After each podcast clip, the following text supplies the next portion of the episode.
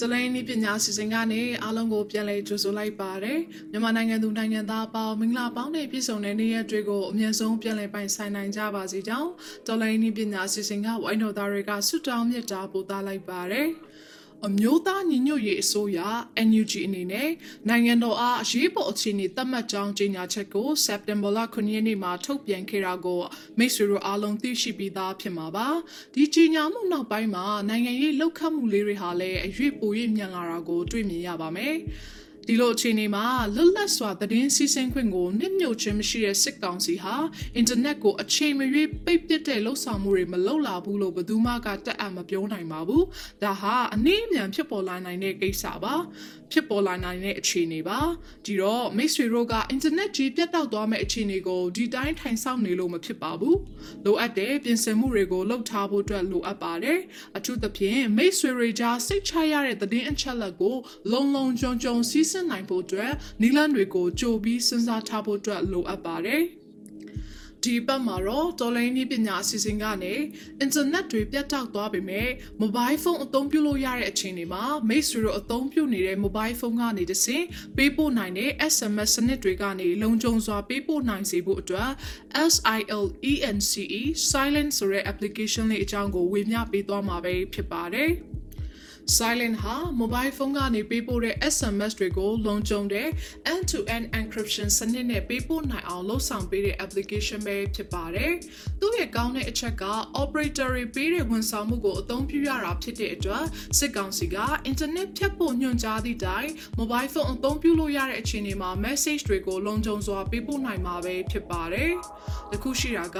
operator ရဲ့ SMS ဝန်ဆောင်မှုကိုအသုံးပြုရတာဖြစ်တဲ့အတွက်ကြောင့်ကုန်ကျစရိတ်ကတော့ operator တွေကသတ်မှတ်တဲ့ SMS ဝန်ဆောင်မှုကုန်ကျစရိတ်အတိုင်းကုန်ကျနိုင်ပါတယ်။ internet ရှိနေစဉ်လောက်ကတော့မသက်သာဘူးပေါ့လေ။ဝမ်းနည်းစရာကောင်းတာကတော့ silence application ကို Android user တွေသာအသုံးပြုနိုင်မှာဖြစ်ပြီး iOS user တွေကတော့ဒီ application ကိုအသုံးပြုနိုင်မှာမဟုတ်ပါဘူး။ internet ပြတ်တောက်နေစဉ်အရေးကြီးတဲ့အချက်လက်တွေကို silent လို့ encrypted လုပ်ပေးတဲ့ app တွေအကူအညီမပါဘဲပေးပို့မယ်ဆိုရင် operator ရဲ့ server မှာသင်ပေးပို့သမျှအချက်လက်တွေကအလွယ်တကူတွေ့မြင်ရပါတယ်။စစ်ကောင်စီဟာ operator တွေကိုဖိအားပေးပြီးသင်ပေးပို့တဲ့အချက်လက်တွေကိုအတင်းအဓမ္မတောင်းယူကြည့်ရှုခံရနိုင်တဲ့အခြေအနေဟာအချိန်မရွေးဖြစ်နိုင်ပါတယ်။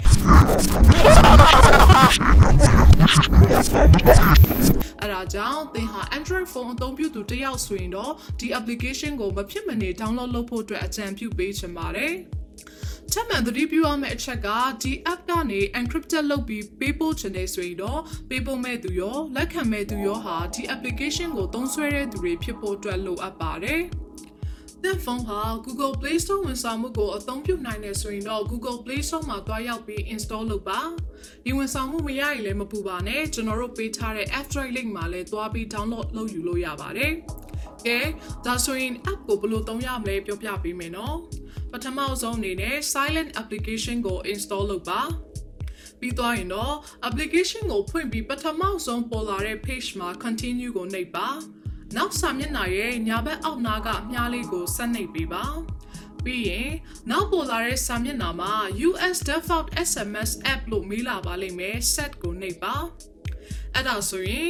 set silent as your default SMS app ဆိုပြီးထပ်မေးတဲ့ box လေးပေါ်လာပါလိမ့်မယ် silence application ကိုရွေးပြီး set as default ကိုနှိပ်ပါ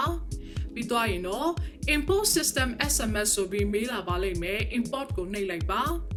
နောက်ထပ်ပေါ်လာတဲ့ enable delivery report မှာ enable ကိုနှိပ်ပေးပါယခုဆိုရင်တော့သင်ဟာ silent app ကိုအသုံးပြုနိုင်ဖို့အဆင်သင့်ဖြစ်သွားတဲ့အခြေအနေကိုရောက်သွားပါပြီ ဒါပေမဲ့ silent ကိုသုံးပြီးဒီတိုင်းပို့နေမယ်ဆိုရင်သင် message တွေဟာ end to end encrypted မဖြစ်ပါဘူးဒီတော့ silence အသုံးပြုသူအချင်းချင်းကြားမှာ end to end encrypted ပြုလုပ်ပြီး SMS ပေးပို့ခြင်းနဲ့ဆိုရင်တော့ silence app အသုံးပြုတဲ့သင်မိတ်ဆွေတူစီကိုစာမပို့ခင်သင်လှုပ်ဆောင်ရမယ့်အဆင့်တချို့ရှိပါတယ်အဆင့်သစ်အနေနဲ့ silence အသုံးပြုတဲ့သင်မိတ်ဆွေရဲ့ SMS message box လေးကိုဖွင့်လိုက်ပါ ညာဘက်အပေါ်တောင်းလေးမှာတော့ပုံစံလေးဟာယခုအချိန်မှာပွင့်နေတာကိုတွေ့ရပါမယ်။ဒါဆိုရင်တော့ end to end encrypted မဖြစ်သေးဘူးလို့ဆိုနိုင်ပါတယ်